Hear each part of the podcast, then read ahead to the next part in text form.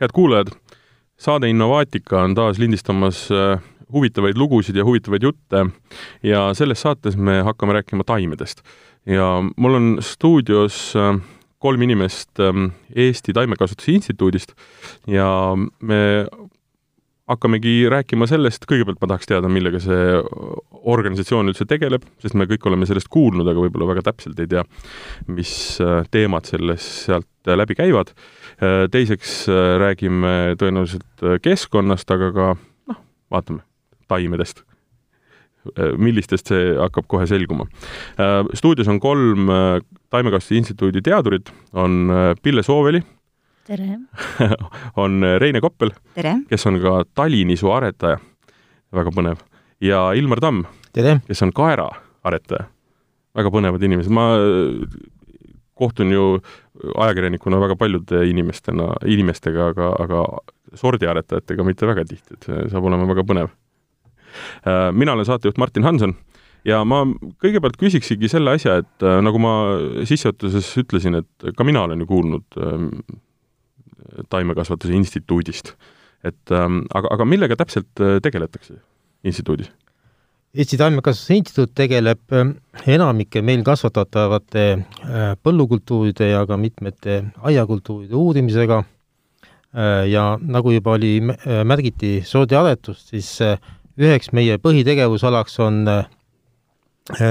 sordiaretus, et püüame siis aretada, aretada meil kasvatatavate põllukultuuride ja aiakultuuride uusi sorte, mis oleksid siis senisest äh, parem ja parema saagikusega, parema kvaliteediga, äh, vastaksid siis hästi Eesti, sobiksid hästi Eesti kliimatingimustele ja vastaksid siis tootjate-tarbijate nõuetele.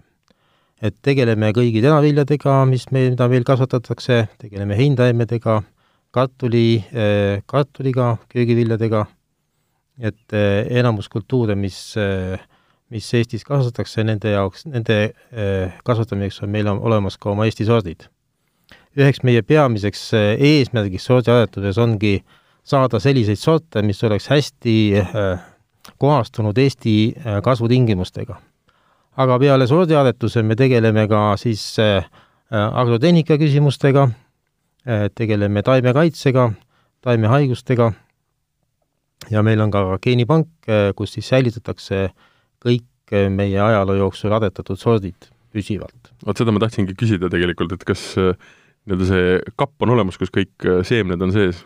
jah, see kapp on olemas nii meil Eesti Jõgeval, Eesti Taimekasvatuse Instituudi keskuses, aga see kapp on ka Teravmägedel, nii et kus need seemneid säilitatakse siis äh, stabiilse madala temperatuuri tingimustes, nii et kõik need sordid, mis on adetatud, need peaksid ka siis tähtajatult säilima, et igal sordil võib oma, olla oma spetsiifiline väärtus, et seda sorti oleks võimalik siis kas kasutada kasvatamiseks või uute sortide loomiseks ka pärast seda, kui, kui meie põldudel juba selle sordi kasvatamine on lõpetatud aga see on, toob mulle veel ühe huvitava küsimuse, et kui palju erinevaid äh, liike või, või seemneid nii-öelda seal selles kapis on Jõgeval? kui palju on äh, neid erinevaid aretusi siis? Neid võib äh, lugeda mõne tuhandega mm. -hmm. see on see, millega siis see instituut on oma nii-öelda ajaloo jooksul hakkama saanud? jah. et säilitatakse nii sorte kui ka, ütleme, väärtuslikumat aretusmaterjali aga veel üks huvitav küsimus tekib sellest, äh, mis on võib-olla definitsiooni küsimus, aga, aga ütleme, äh, mida inimesed võib-olla ei ole mõelnud ja ei tea, on, mis on aretuse ja siis nii-öelda GMO aretuse vahe, mis on see, või kuidas, kuidas need, kuidas need, kuidas käib üks, üks, üks aretus? no aretuses kasutatakse erinevaid meetodeid, et äh, teraviljadel tavaliselt on siis klassikaline, traditsiooniline aretus on selline, et valitakse välja äh, katsete põhjal äh, siis kaks sobivat sorti, millel on mingid väärtuslikud omadused, näiteks võtame ühe nisusordi, mis on väga hea saagiga ja teise, mis on väga hea kvaliteediga, ütleme väga hea proteiiniga sisaldusega ja proovime need kaks omadust ühendada. ja siis selleks me võtame ühelt sordilt tolmu ja ristame selle teise sordiga mm. -hmm. et põhimõtteliselt, mis tähendab traditsiooniline aretus on see, et selline protsess saab toimuda ka looduses, ilma inimese sekkumiseta, et ikkagi ka isetolmnevad taimed mingil määral omavahel tolmnevad ja, ja selline taimede muutumine toimub ka looduses ja kohastumine siis kasvutingimustele. nüüd GMO puhul võetakse siis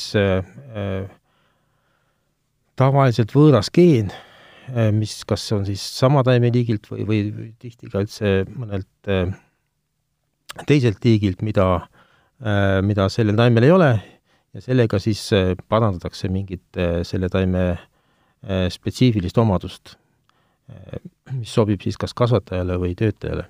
et sellist, seid geenikombinatsioone või selliseid sorte, mida siis luuakse GMO-ga, selliseid looduses ei saa tekkida.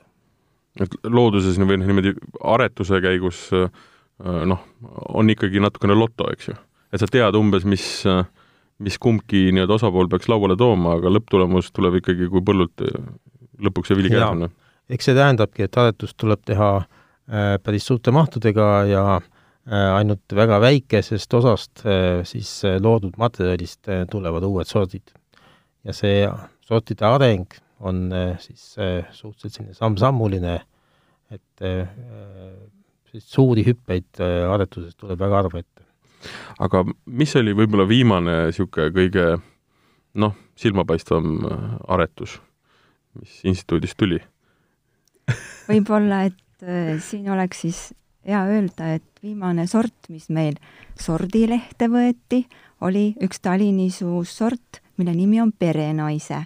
et sortidega ongi niisugune tore asi, et, et kui me need valmis aretame ja kui need võetakse sordilehte, siis me saame neile anda ka nimed. ja perenaise talinisu on siis väga heade küpsetusomadustega nisu. et nisu võibki kasvatada kas siis söödaks või siis küpsetuseks sööginisuks, mida siis veskid kokku ostavad. Ja sellel sordil perenaise on väga head küpsetusomadused, see tähendab, tal on kõrge proteiinisisaldus ja, ja see on nagu küpsetusel kõige tähtsam. aga kui ma mainisin siin sõna sordileht, siis see on nüüd selline sortide nimistu, et on katsetatud uusi sorte, mida tahetakse või arvatakse, et Eesti põllumees võiks kasvatada Need on koondatud ühte nimekirja, aga need on ennem kahe aasta jooksul Eestis katsetatud neljas erinevas katsekohas. ja, ja kui nad seal siis läbivad selle nii-öelda riikliku majanduskatsetuse, on näha, et neil ei ole midagi halba et nad on kas sama head kui praegu juba kasvatatavad sordid või siis mõnes mõttes isegi paremad, et siis nad võetakse sinna nimekirja mm -hmm. ja siis on Eesti põllumehel nagu niisugune kindel, kindel tunne neid sorte kasvatada, et need on nüüd Eesti tingimustele kohastunud, nad annavad piisava saagi, nad ei jää väga haigeks. Ja kui me taliviljadest räägime, talinisust, siis see ka, et neil on väga hea talvekindlus, et Eesti põllumehel on tegelikult hästi suur valik, mida ta võiks nisudest ja talinisudest kasvatada. Euroopa sordilehelt kõiki sorte võiks kasvatada, aga kui need on aretatud Prantsusmaal või Itaalias, siis on see talvekindlus selline küsimärgiga asi, et, et kindlam mm on ikka, mis on meie piirkonnas aretatud ja on siia, siin kohanenud. aga kui ma küsin niimoodi, et äh, ta, kust tuleb see nii-öelda jutumärkides tellimus et hakata seda sordiaretust tegema. et kas see tulebki meie põllumeestelt, kes äh, näevad, et ma ei tea, keskkond muutub, äh, muld muutub, äh, ilmastik muutub või lihtsalt tahavad nii-öelda saada paremat saagikust, võib-olla paremat tulemust, et või, või käib see nii-öelda teie teadurite peas? hommikust õhtuni mõtlete, kuidas see, teha asja paremaks, mis iseenesest on ka ju väga tore. jaa, et tänapäevases maailmas, kus tegelikult valikuid on hästi palju, noh, igal alal, et äh, ka inimesed tahavad äh, pidevalt vaheldust, et tegelikult põllumehed tahavad ka nagu proovida uusi sorte. põhimõtteliselt võiks ju nii, et tehakse üks sort valmis ja siis seda kasvatatakse sada aastat, et võiks ju ka niimoodi lähtuda. aga tegelikult äh, tahavad inimesed proovida uusi sorte ja, ja ja kuidagi sortidega on ka niimoodi, et kui üks põllumees ühe sordi ära proovib ja vaatab, ei, ikka see eelmine oli mulle para-, parem ja see sobis nagu minu noh, kasvatustehnoloogiaga või minu maadele sobis nagu paremini, et ma sain sellega paremini hakkama, et ta ei vali uut sorti, aga teine nagu ikkagi valib selle uue sordi. et see tellimus tuleb jah, ka sealt, et need keskkonnatingimused muutuvad ja muutuvad ka näiteks äh, kokkuostjate tingimused või vajadused, et, et aeg-ajalt võib-olla on populaarsem siis selline noh, heade küpsetuskvaliteetidega sordid, äh, aeg-ajalt võib-olla sellele küpsetuskvaliteedile ei pöörata nii suurt tähelepanu, tahetakse suurt saaki saada ja ja see oleneb tõesti sellest kasvatajast, et mõne jaoks, mõne kasvataja jaoks on tähtis haiguskindlus mm, -hmm. mõne kasvataja jaoks on tähtis suur saak ja tal nagu muudel üldse tähtsad, ja mõne kasvataja jaoks on näiteks tähtis see, et see sort põllu peal kasvatades ei lamanduks et ta oleks lühikese kõrrega, et, et sinna saaks rohkem võib-olla intensiivsemat agrotehnoloogiat kasutada ja rohkem väetisi kasutada, et, et need vajadused on erinevad tegelikult mhm. põllumeestel mm -hmm. ja siis sordiaretajatel ongi alati, peab olema tagataskus mingi variant, et, et et neid oleks eri, eritüübilisi oleks neid sorte. et üks tähtis näitaja on näiteks ka sordi lühike kasvuaeg meie, noh, meie mm -hmm, kliimas mm, -hmm. et ta saaks hakata seda juba võimalikult vara koristama või et siis see sort sobituks tema koristuskonveierisse, et oleks varem valmiv. et on nagu palju erinevaid äh, tingimusi või nõudeid, mida esitatakse, aga üks sort ei vasta nagu kõikidele nende nõudmistele mm, -hmm. et siis ongi valik.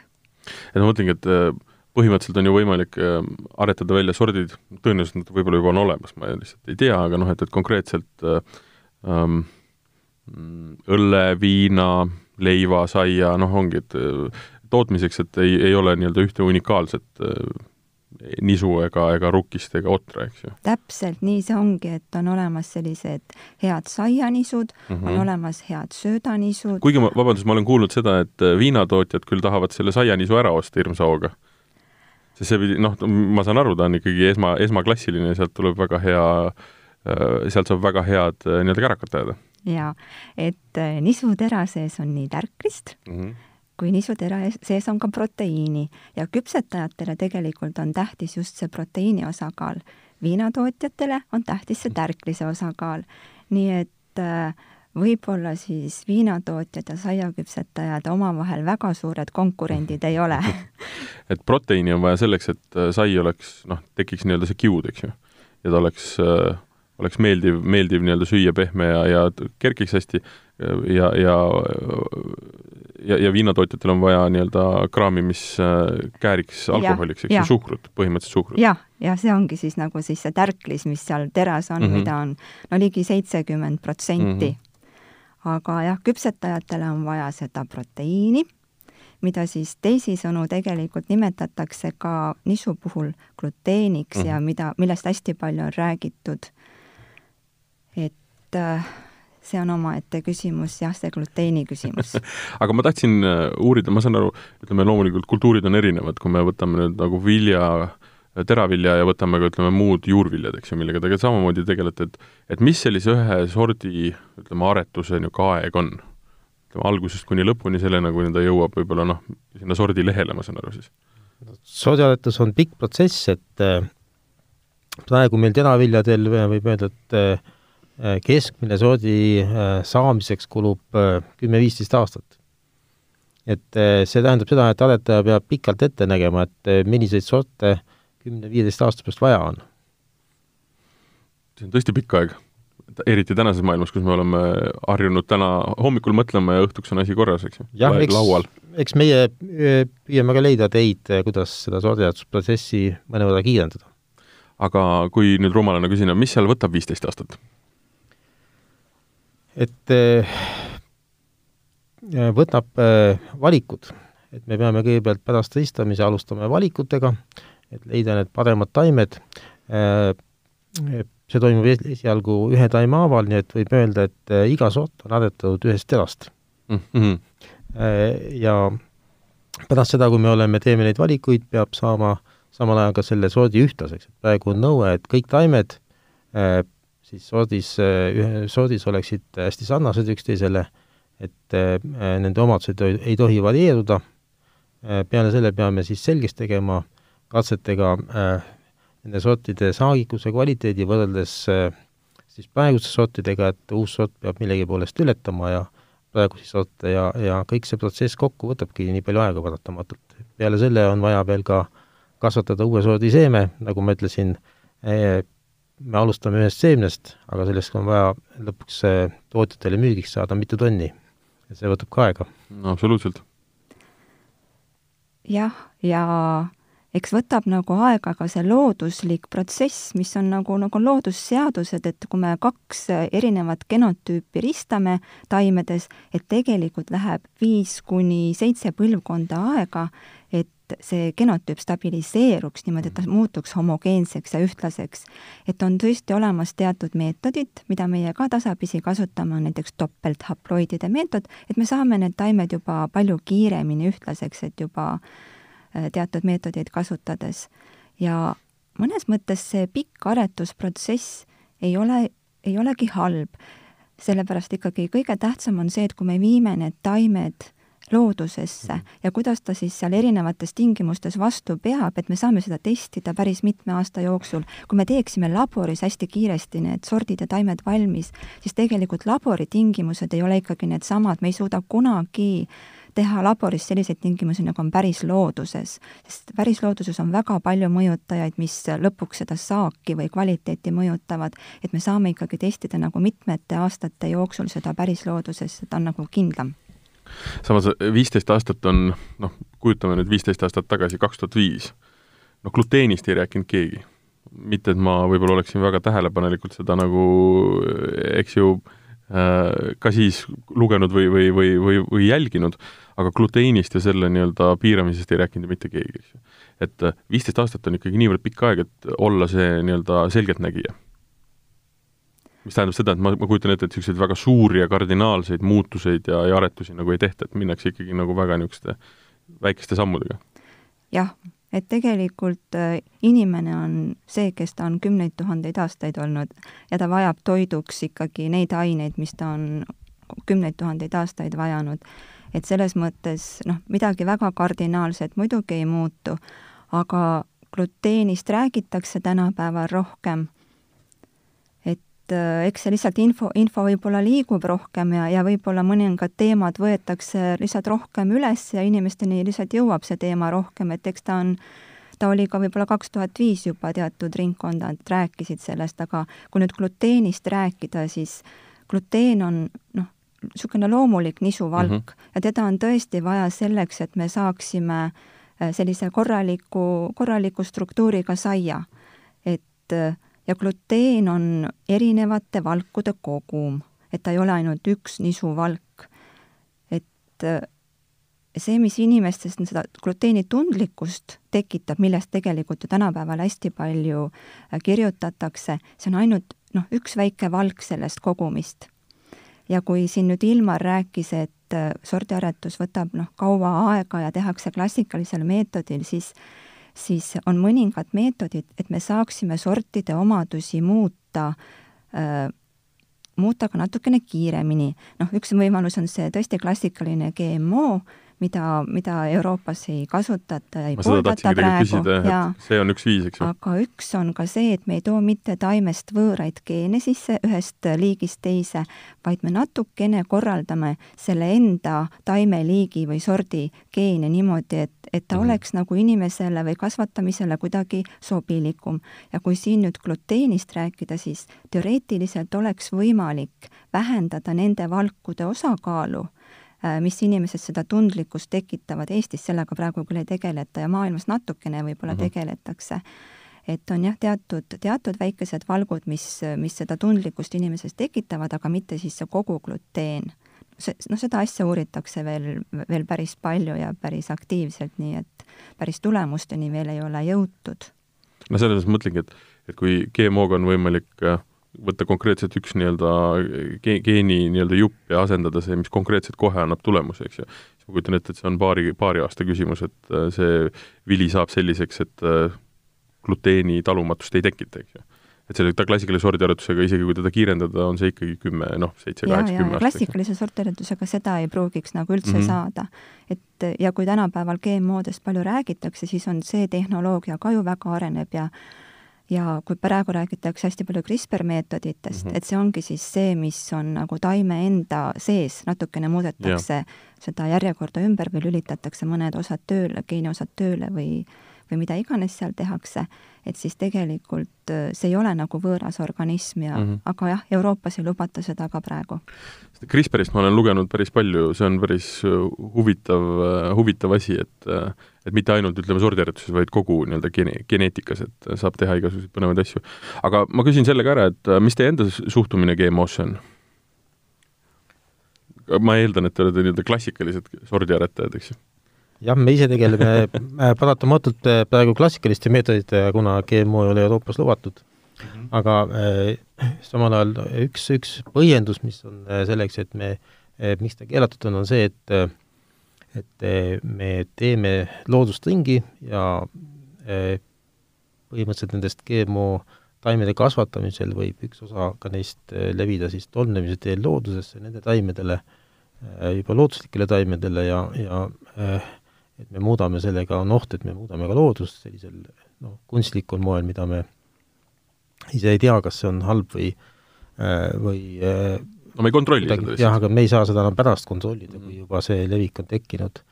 teisest küljest võib öelda, et äh, eks GMO on ka potentsiaal muuta siis taime omadusi paremaks, mitmete omaduste osas, nagu Rene juba märkis siin, gluteenisisaldust, aga näiteks ta annaks võimaluse parandada haiguskindlust või taimekahjude kindlust ja see annaks teis-, teisest küljest kasvatajale võimaluse vähem kasutada keemilisi taimekaitsevahendeid, mis omakorda oleks noh, loodusele pigem positiivne kui negatiivne. No vot, hea, et siin seda sai mainitud, ma just tahtsingi nende haiguste ja siis ütleme, kaitsete ja kõikide asjade juurde tulla, et Ville on olnud vaikne. Et, et kas GMO on ka, ütleme, noh, selle, sellega on võimalik nii-öelda muuta ka ju taimed äh, haigusevabaks. Ja, ja, ja see, ja niimoodi, et ei ole vaja neile nii-öelda tegelikult ka ju kaitsevahendeid ega ka, ega ka noh, lisasööki äkki anda? noh, GMO-d tegelikult äh, algselt ellu sellega kutsutigi, et oli vaja leida lahendus taimekahjustajate äh, kontrolli all hoidmiseks et sealt on jah, see, need suured äh, maad ja kasvatuspiirkondad on nagu selle peale üle läinud, aga kuna e-, Ilmar mainis, et euro, Euroopas ei ole GMO lubatud ja siin Eestis me sellega ka ei tegele, aga minu igapäevatöö puudutab ikkagi taimehaiguseid, taimekahjustajaid ja nende, nende vastu võitlemist, äh, resistentsusharjutuse poole pealt toetan aretajaid ja teine pool on siis ka see keemiline taimekaitse, et seda äh, sellega igapäevaselt tegeleda, et siin ongi nagu, äh, kui me võtamegi äh, nagu selle ette, et mis põllumehel nagu eesmärk on, et tema eesmärk on tegelikult saada võimalikult suurem saak mm -hmm. ja mhm. sealt ta saab siis selle tulu kätte ja meie siis äh, või noh, taimekaitse on siis see, mis tegelikult toetab põllumeest, et ta Äh, siis äh, noh, saab selle potentsiaali kätte, mis see sort ja see kultuur nii-öelda õigel majandamisel peaks mm. andma. ja kui mina nüüd taimehaigustest räägin, tera, teravilja põhi, teravilja puhul ongi põhiline, on äh, patogeenid ehk, ehk haigused, et kahjustaja, kahjurid ja, ja muud taimekaitse teemad on vähem olulised et ongi siis, kuidas see teravili meil haigeks jääb, et tal ongi põhimõtteliselt kolm, kolm varianti, kolm viisi, et kõigepealt võivad nakatuda juured, siis taimelehestik kasvu jooksul ja ka pähi, pähikuhaigused on eraldi suur valdkond ja lai teema. et kui me alustame juurestiku poole pealt, siis patogeene ehk neid haigustekitajaid seeni on nii õhus, mullas, vees igal pool ja siis juure kaudu ongi võimalik taime sisse siis siseneda sellel patogeenil, süsteemselt seal taime sees kasvada. Ja siis näiteks ähm, kasvuhooaja jooksul siis ähm, ta avaldubki haiguslaiguna seal taimelehtedes, hiljem pähikus, ja siis põllumehe äh, nagu töö või ülesanne ongi see, et see taim nüüd võimalikult tervena hoida, aga selleks tuleb kasutada mitmesuguseid agrotehnilisi võtteid aga lisaks sellele, et, et selles suures intensiivkasvatuses ei ole võimalik ikkagi ilma keemilise taimekaitsevahendita hakkama saada, et kui me kasvatame ühte taime potis, me suudame talle luua nii ideaalsed tingimused ja hoida ta täiesti haigusvaba, aga kui me nüüd kujutame ette teraviljapõldu, kus me kus põllumees külvab ähm, vilja, külvinorm on tal kuskil nelisada, viissada ida, idanevat tera ruutmeetril, et missugune noh, arvukus on taimedel mm -hmm. seal põllul ja see tähendab seda, et kõik taimed ei ole eh, selles mõttes identsed, et, et mõni on kasvuhooaja jooksul rohkem stressis, mõni on, on, on nagu kiirema kasvuga, on nagu teisest üle, et seal tekivad see olukord, et, et üks taim on vastuvõtlikum, teine vähem vastuvõtlikum ja haigustekitajaid äh, on väga hästi kohastunud selle eh, nagu olelusvõitlusega mm, -hmm. et mhm. nad ühelt taimelt väga kiiresti võivad levida teisele taimele, et need haigused, mida meie põllumees tegelikult kasvuhooajal jooksul taimel tõrjub, et need ongi äh, noh, selles mõttes äh, suht kiire arenguga, et seal kahekümne, maksimum kolmekümne päevaga nad suudavad ennast toota uue põlvkonda, põlvkonna eoseid, mis siis levib järgmisele tervele taimeosale ja sellepärast ongi see keemiline taimekaitse tegelikult äh, ikkagi suhteliselt oluline. aga kuna see, kõik teavad, et see keemiline äh, taimekaitse ja üldse igasugune keemiline sekkumine ei ole äh, tervislik üheski valdkonnas, nii ka taimekasvatuses, et siis alates kahe tuhande neljateistkümnendast aastast tegelikult meie põllumehed on kohustatud täitma integreeritud taimekaitset. Ja see tähendabki seda, et see keemiline sekkumine haigustõrjesse on suhteliselt viimane variant, et enne tuleb kõik äh, teha selleks, et neid taimehaiguseid ja kahjustajaid, ka kahjureid, ka umbrohte oleks võimalikult vähe. et siin algabki kõik maade ettevalmistamisest, külviseemne kvaliteedist, kasvuaegsest hooldu-, hooldamisest põllul, samuti haiguste ja kahjustajate monitooringust, seire tegemisest, et sa oled, jälgid oma põllu olukorda ja sekkudki siis selle kõige viim-, noh, kahjulikuma nii-öelda keemilise kaitsega tõesti sellel hetkel, kui sa näed, et enam teistmoodi hakkama ei saa. aga kuidas siis... meil, ma küsin vahele, et kuidas mm -hmm. meil täna sellega on, et äh, kui palju peab äh, sekkuma? Ehm, no jah, jälle sõltuvalt aastast mm, -hmm. sõltuvalt kultuurist, et siin aretajad teevad ju selle nimel hästi palju tööd, et see sort oleks haiguskindel, resistentne, võimalikult resistentne, et äh, et selle võrra jälle on seda keemilist äh, tõrjevajadust tunduvalt vähem. teistpidi jälle, kui Reine siin mainis siin sordilehte, et see sordileht on ülilai, kui sealt lõuna poolt tuuakse meile sordid sisse, kasvatatakse, nad ei ole nagu noh, põllumehel ei ole nagu teadmist selle sordi info mm -hmm. kohta, et siis võivad ka jälle äh, selles mõttes nagu uued haigused tulla ja nad ongi meile ka tulnud selle, sellega, et see taim ei ole äh, Äh, nagu see taim on vastuvõtlik erinevatele haigustele, ilm muutub, kliima muutub, lõuna poolt kolivad taimekahjustajad siia põhja poole mm -hmm. ja kohastuvad siin ära ja siis on jälle see, et see lõpeb sellega, et me peame ikkagi keemiliselt sekkuma. Aga kui palju on äh, seda olukorda, et, äh, et põllumehed ostavad, toovad nii-öelda, nii-öelda migrante, eks ju, et ostavad kuskilt äh, vilja, mis äh, või seemne, mis ei ole tegelikult Eestis kohandunud võrreldes sellega, et tegelikult äh, tegeletakse arenduse, aretusega ja, ja siin on ju kohapealsed nii-öelda sordid olemas. juhtub seda ja miks juhtub? E, jah, eks aeg-ajalt seda juhtub, et äh, tuleb sisse mõni uus sort, äh, siis mõne aasta jooksul selgub tal mõni natuke külg, et kas ta jääb haigeks või siis mm -hmm. ei, ei suuda meil talve ela, üle elada ja siis need sordid ka üsna kiiresti tootmisest kaovad, aga aga seda ei saa öelda muidugi kõigi väliste sortide suhtes, et äh, et terve hulk väljaspoolt siis tulnud sorte kasvavad edukalt ka Eesti tingimustes, aga mitte kõik muidugi. aga kui, kui näide näiteks, et millal oli võib-olla selline aeg, kui tuli kasutada palju kaitsevahendeid? mõni ilma, noh, mingi aasta mm -hmm. näiteks või mingi olukord? jah, see sõltubki hästi palju kasvuhooajast mm, -hmm. et äh, haigustekitajad on noh, mis neile meeldib, neile meeldib niiskus, neile meeldib soojus ja kui on sellised suved, noh, linnainimesele, puhkajale niiru suvi, palju vihma, vähe päikest, ja aga soe, noh, suvi on nagunii soe. eelmine aasta? jah, et see on siis nagu haigustekitajale hästi mm -hmm. soodne ja, ja siis ka nende patogeenide puhul on nagu see nagu probleemiks, et et nad ei ole nagu ühe aasta haigused, et nii, noh, eks nendel on ka oluline see, et nad ka järgmisel aastal olemas oleksid ja siis on neil see kohastumine selline, et nad suudavad üks-kaks aastat tegelikult taimejäänustel mullapinnal olla noh, tera, isegi noh, terapinnal olla nii-öelda puhkeolekus, elujõuline, et kui neile satuvad, kui nad satuvad nüüd jälle sellesse nendesse, nendele oluliselt noh, normaalsesse keskkonda, siis nad hakkavad jälle elujõuliselt mm -hmm. kasvama mm, -hmm. paljunema ja levima et seesama haigus võib olla täiesti mitu aastat järjest pinnuks silmas, jah? jaa, ja nii ongi tegelikult, jah ja on ka siis, kui me räägime, et noh, tulevad uued sordid, tulevad ka uued haigused kaasa, et nad tulevadki selles mõttes kaasa, et et see sort, e, noh, siin kohapeal aretatud sordid ongi aretatud, kui ma räägin nagu haiguskindluse poole pealt, nende haiguste vastu, mis meil siin kohapeal levivad mm. -hmm. aga tulevad mingid uued haigused ja uued rassid lõuna poolt, meie sordid ei ole nende suhtes ära aretatud ja siis nad selles, nendesse ka nakatuvad.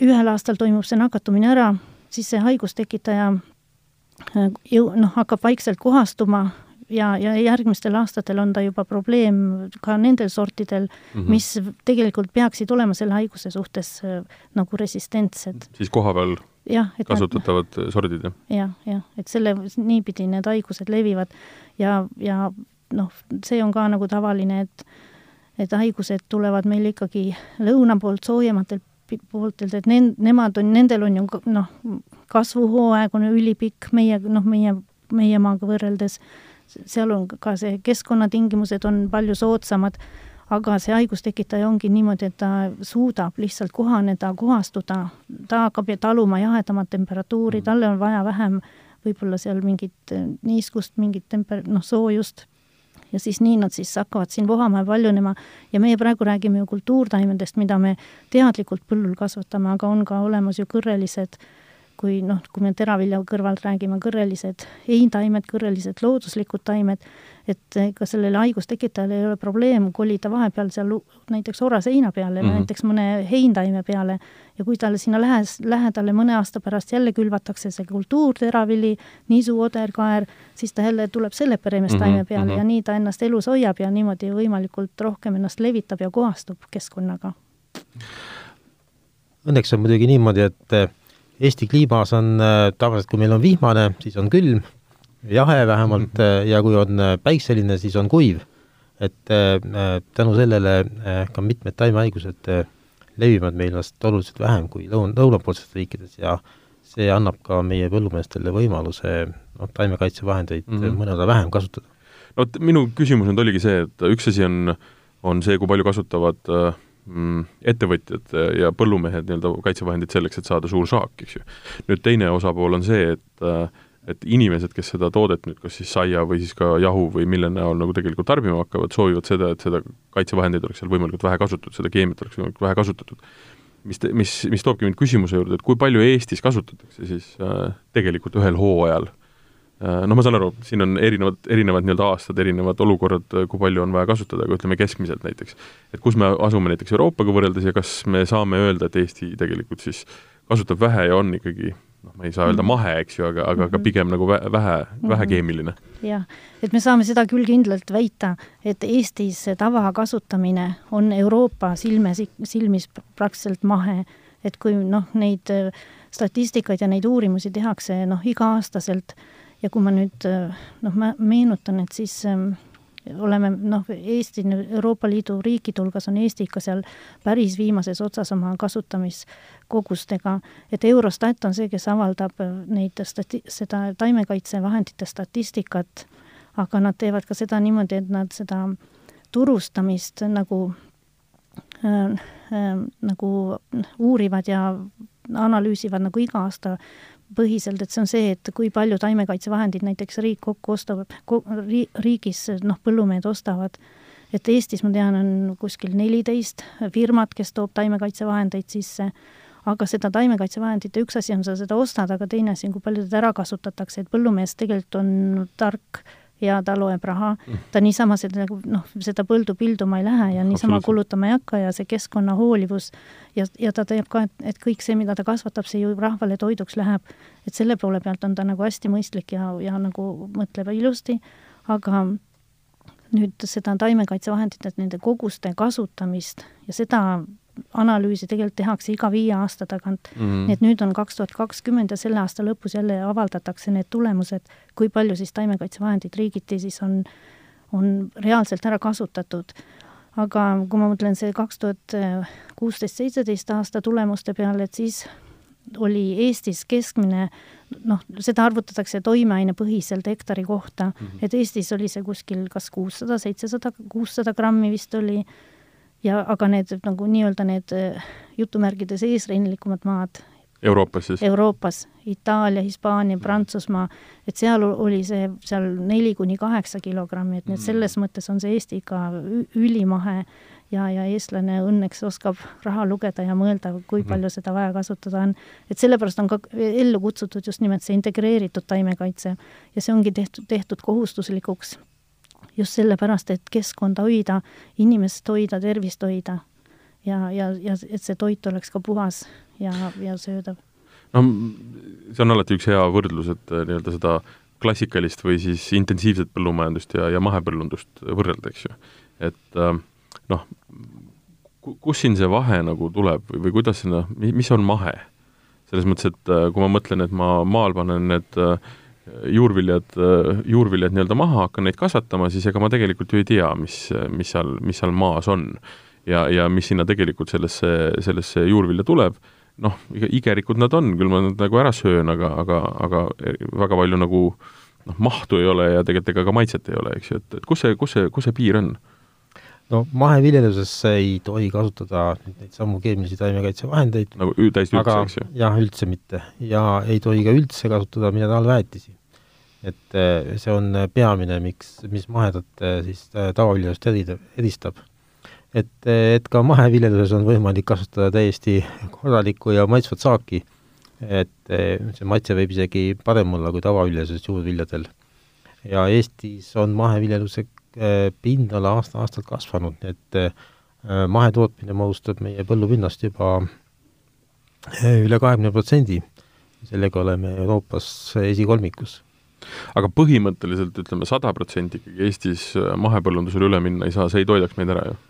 noh, kui me vaatame ajas tagasi, hiljuti oli siin esilinastus Tammsaare Tõe ja õiguse film, siis sel ajal äh, kasvatati, oli kogu meie põllumajandus mahe mm. -hmm. ja ikkagi oli võimalik eestlasel ära elada sellest äh, toodangust, et noh, kümnekordne populatsiooni vahe on vahepeal? mitte just nii palju, ma arvan mm, -hmm. aga aga lihtsalt äh, praegu Eesti põhimõtteliselt toidaks ennast mahedast ära ka praegu, ma usun. aga kahtlemata saagikus, kui nüüd kiiresti üle minna mahedale, siis see saagikus mm -hmm. oluliselt langeks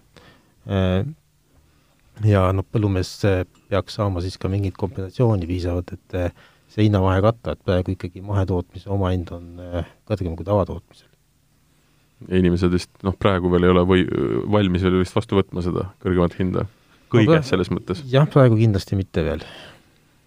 et eh, aga samm-sammult adeneb mahetootmine, et, et selles mõttes kiire üleminek, nagu me ütleme, et me ei saa ka sorti, uute sortide aretamisel saame tulemusi vähehaaval et nii on ka maheviljelus, et äh, nüüd kaasaegset mahetootmist on ka suhteliselt lühikest aega uuritud mm, -hmm. et äh, on ju, äh, võib eeldada, et ka mahetootmise tulemused samm-sammult paranevad ja see annab, võib-olla muutub maheviljelus tulevikus konkurentsivõimelis-, võimelisemaks, kui ta praegu võrreldes tavatootmistega mm, -hmm. kui ta praegu on.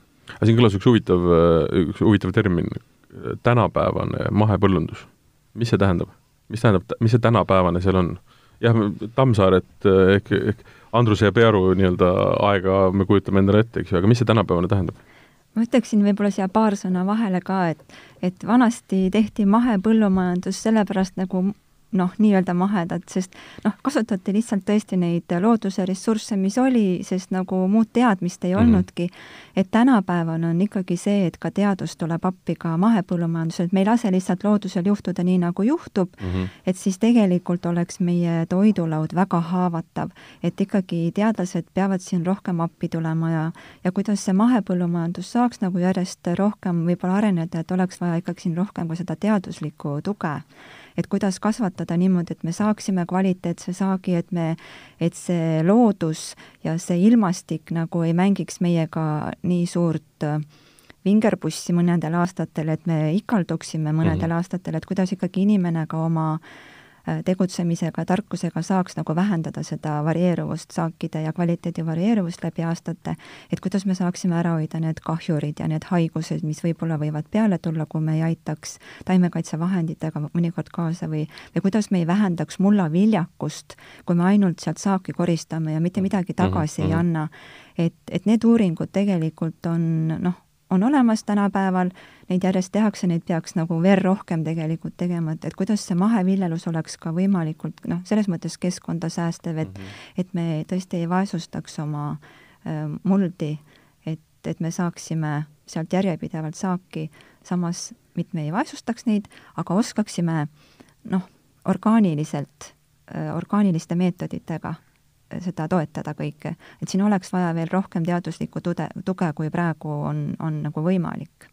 ma saan aru, et see tähendab ka ju seda, et, et tegelikult sordiarestus äh, peaks, noh, käibki kaasas tõenäoliselt sellega, et, et mahepõllundus äh,, mahepõllunduse kaasa aidata, et noh, ma saan aru, et et isegi kõige halvemal nii-öelda viljaaastal tegelikult see saagikus on ikkagi noh, okei okay saadakse ju kätte midagi, see tulebki sellest, et ma saan aru, on, on, on resistentsed ja vastupidavad sordid, on, on võimalused, kuidas seda teha, ma ei tea, vihmaga kuivendatakse ja ja, ja siis ma kujutan ette, et põua ajal lihtsalt vaadatakse taeva poole ja palutakse Jumalat, eks ju, piltlikult, aga, aga, aga et noh, et, et, et ma kujutan ette, kui täna minna maja, täielikult mahepõllundusele üle, siis tegelikult tuleb ju aasta, kus nagu üldse vilja ei saa.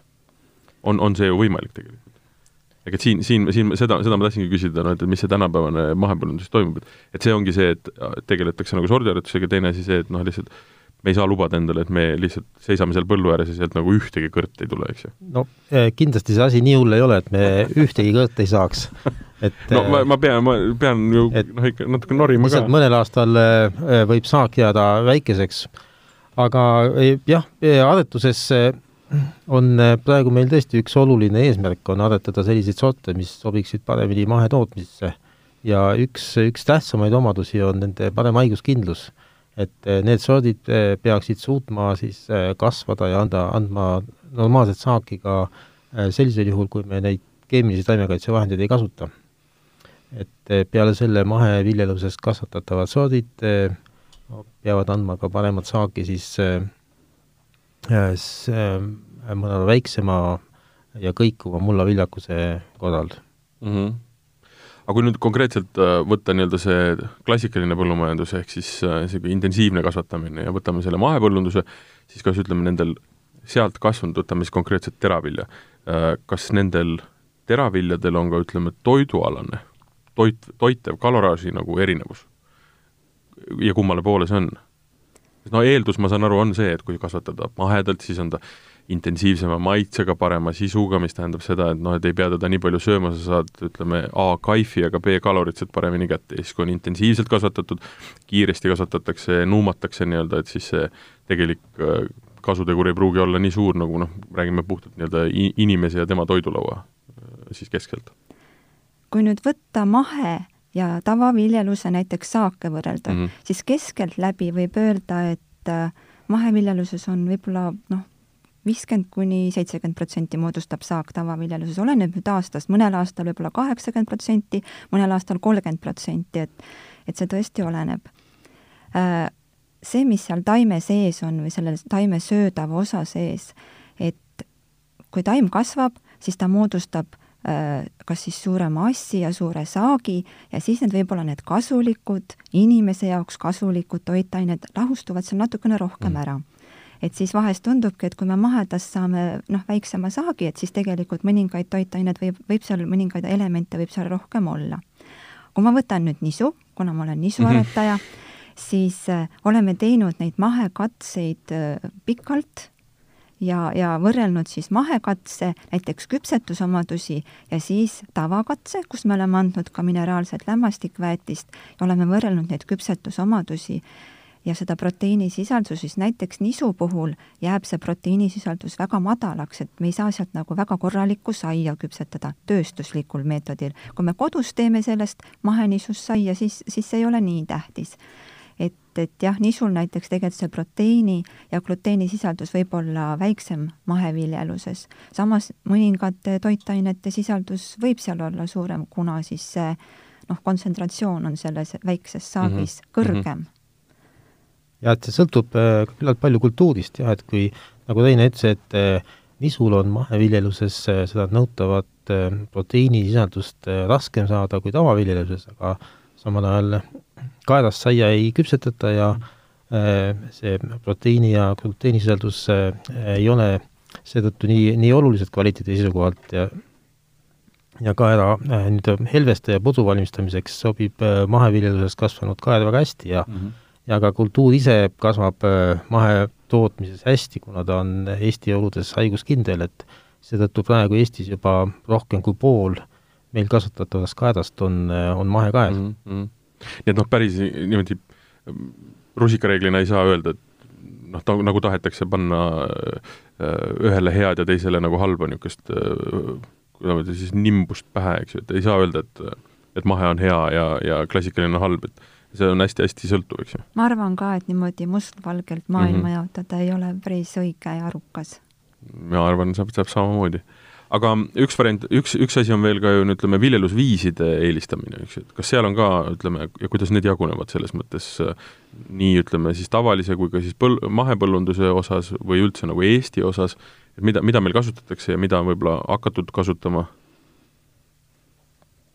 No ma siin taimekaitse poole pealt eh, võin seda öelda, et et Eestis on levinud viimastel aastatel, juba võib-olla kümne aasta jooksul, niinimetatud pindmine harimine, e, et on loobutud seda traditsioonilisest künnipõhisest harimisest, see on nagu nagu põhjustanud, tähendab, millest see tuli, tuli sellest, et, et majanduslikult nagu on kokkuhoidlikum, vähem seal põllul sõita, mulda, noh, ringi pöörata, künda, aga teistpidi jälle nagu igal asjal on, on hea ja on halb külg, nii nagu on mahe ja tava, nagu me just siin enne rääkisime mm, -hmm. et ka sellel viljelusviisil on selles mõttes nagu hea ja halb, halvem künd, külg, et künnipõhiselt me noh, tallame ja sõidame seal mulla peal rohkem, kui me teeme pindmist, harimist, siis see noh, väga lihtsalt öeldes ongi nii, et et põllumees läheb, koristab ära, korraks teeb seal väikse kõrre koorimise ja lähebki juba järgmise külviga peale.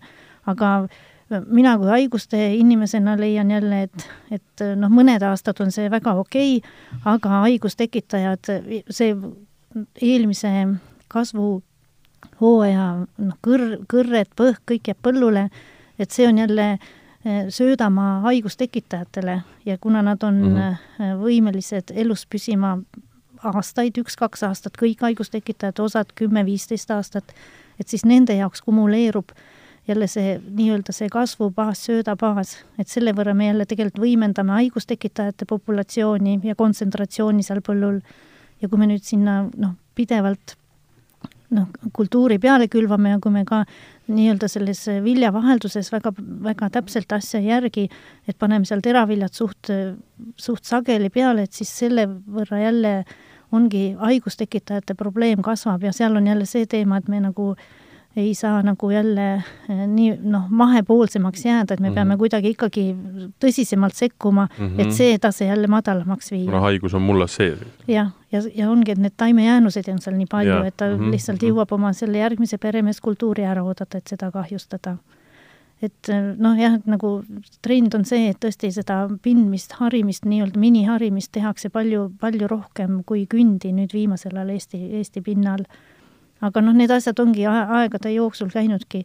Nii ja naa, et on põllumehi, kes on tagasi künni poole pöördunud et siin on ka hästi palju, sõltub piirkonnast, Eesti piirkonnas on mullastik hästi erinev. Mm, -hmm. noh, kasvutingimused hästi erinevad, et osas piirkondades ja, ja, ja ka see spetsialiseerumine, missuguseid kultuure kasvatatakse, et osadega ongi nii, et nad noh, pöörduvadki nagu künni poole tagasi, et lihtsalt äh, on odavam ja säästvam ja keskkonnasäästvam ongi kün-, läbi künni kõike teha ja kasvatada ja, ja siis selles mõttes ka nagu põllumehele tulukam, et sealt ta selle oma rahakoti täidab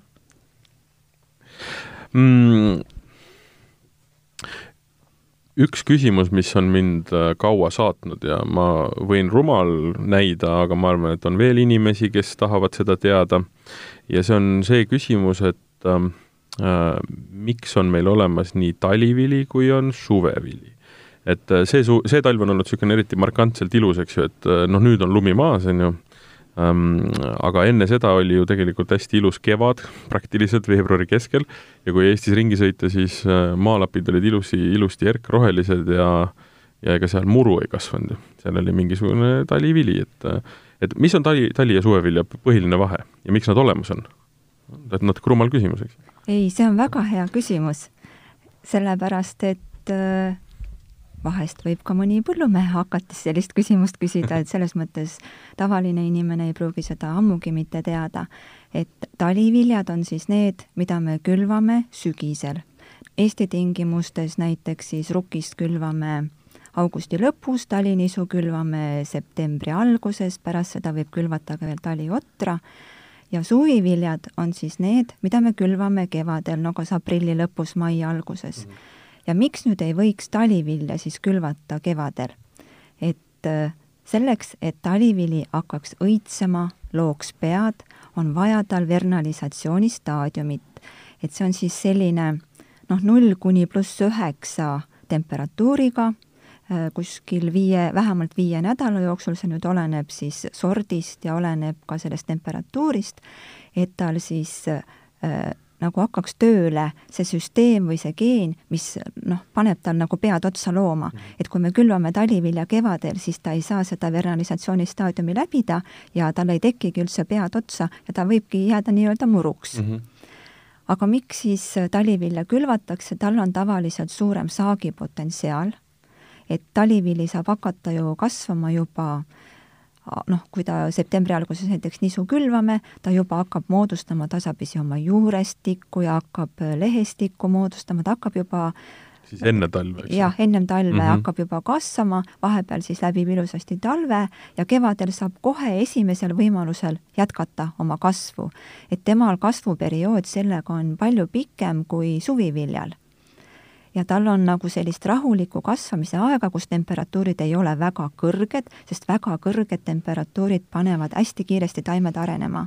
ja siis nad ei jõua nagu piisavalt lehestikku ja mhm, piisavalt mm -hmm. võrseid omal tekitada, piisavalt sügavat juurestikku kasvatada, et taliviljadel on nüüd see eelis, et nad saavad nagu noh, ennast hästi tugevaks kasvatada ja sealt ka siis suurema saagi lõpuks saame aga jah, mis taliviljadel on siis natukene Eesti tingimustes või siin Põhjamaa tingimustes riskantne, on see talvekindlus mm, -hmm. et kõik sordid ei pruugi siis meie Eestimaa talve üle elada.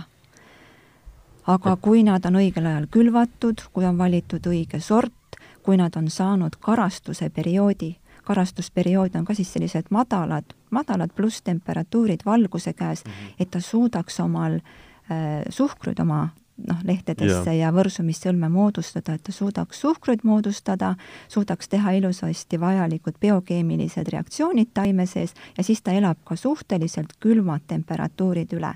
kui nad, kui ta nüüd karastuda ei saa, siis ta võib, võib hukkuda.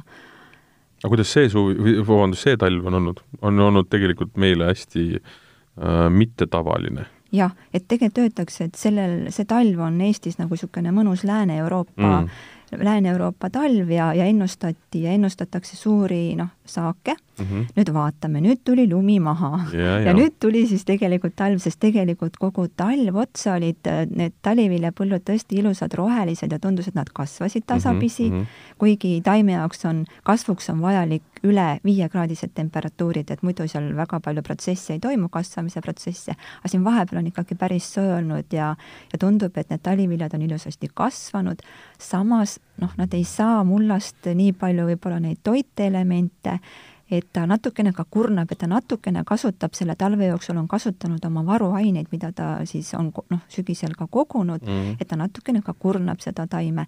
kui nüüd vastu kevadet tulevad mingisugused väga ekstreemsed stressid talle, et et siis ta võib küll natukene kannatada, aga see väikene lumi, mis siin praegu on ja need väikesed külmad, et ma usun, et see ei ole küll halba teinud neile praegu veel midagi siis muidugi üks asi, mis meil siin viimaste, ütleme, viie aasta jooksul olen mina tähele pannud, ütleme, see hobi ilmavaatlejana, noh, ähm, on pigem ju see, et meil on kuidagi äh, mai ja september on olnud väga-väga ilu-, no välja arvatud see üks üle-eelmise su-, aasta suvi, mis oli üleüldse täiesti nii-öelda märgiline, eks ju, siis on üks viie aasta jooksul olnudki olnud äh, sep- äh,, maikuu meeletult ilus, kuni kolmkümmend kraadi, ja september on olnud niisugune vana naiste suvi, aga see suvi seal vahel on niisugune A kas kuiv ja külm või siis märg ja külm, eks ju, üsnagi relatiivselt siis et äh, noh, see ka kindlasti ju mõjutab, et sul tegelikult seal äh, maikuus on põhimõtteliselt põud kohal.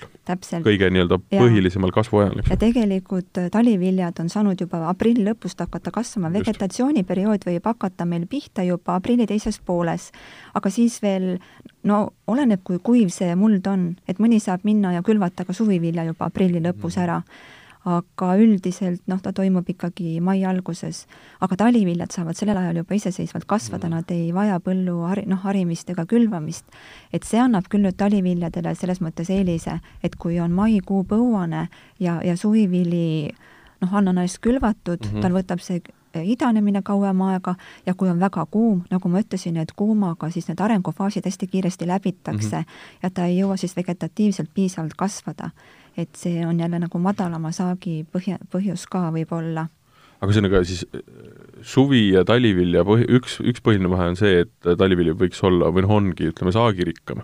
aga teine, ja ma arvan, see on nagu põhiline asi, on see, et tegelikult tänu sellele saab ju kaks äh, nii-öelda saaki võtta. no mitte kaks saaki, aga ütleme, nad valmivad ju natukene erinevatel aegadel jah, et suvivili ja talivili. aga samas, samas sa ei korja ju talivilja enne ära, kui, ja siis ei saa sinna sellesama mulla peale ju uuesti külvati, nii et tegelikult ei ole nagu kaks saagikust. kaht-, et tegelikult ise, ise küsisin, ise vastasin, tekitas ebaloogika. selles mõttes on noh, sinu loogika natuke ikkagi loogika moodi, et et tõesti, põllumehel on tähtis ka see külvi või see koristuskonveier mm, -hmm. et tal olekski vaja, et hakkaks juba nagu juuli keskelt juba saaks midagi koristada ja sa koristad kuni septembri keskpaigani, sa kasvatad hästi erinevaid kultuure, erineva kasvuaja pikkusega sorte ja sa, sa oled nagu noh, pidevalt töös, mitte nii, et sul tuleb prauh kõik ühe korraga ja sulle, jät, ja, ja sulle ei mm -hmm. jätku masinaid ja inimesi ja, ja, ja kuivatuspotentsiaali.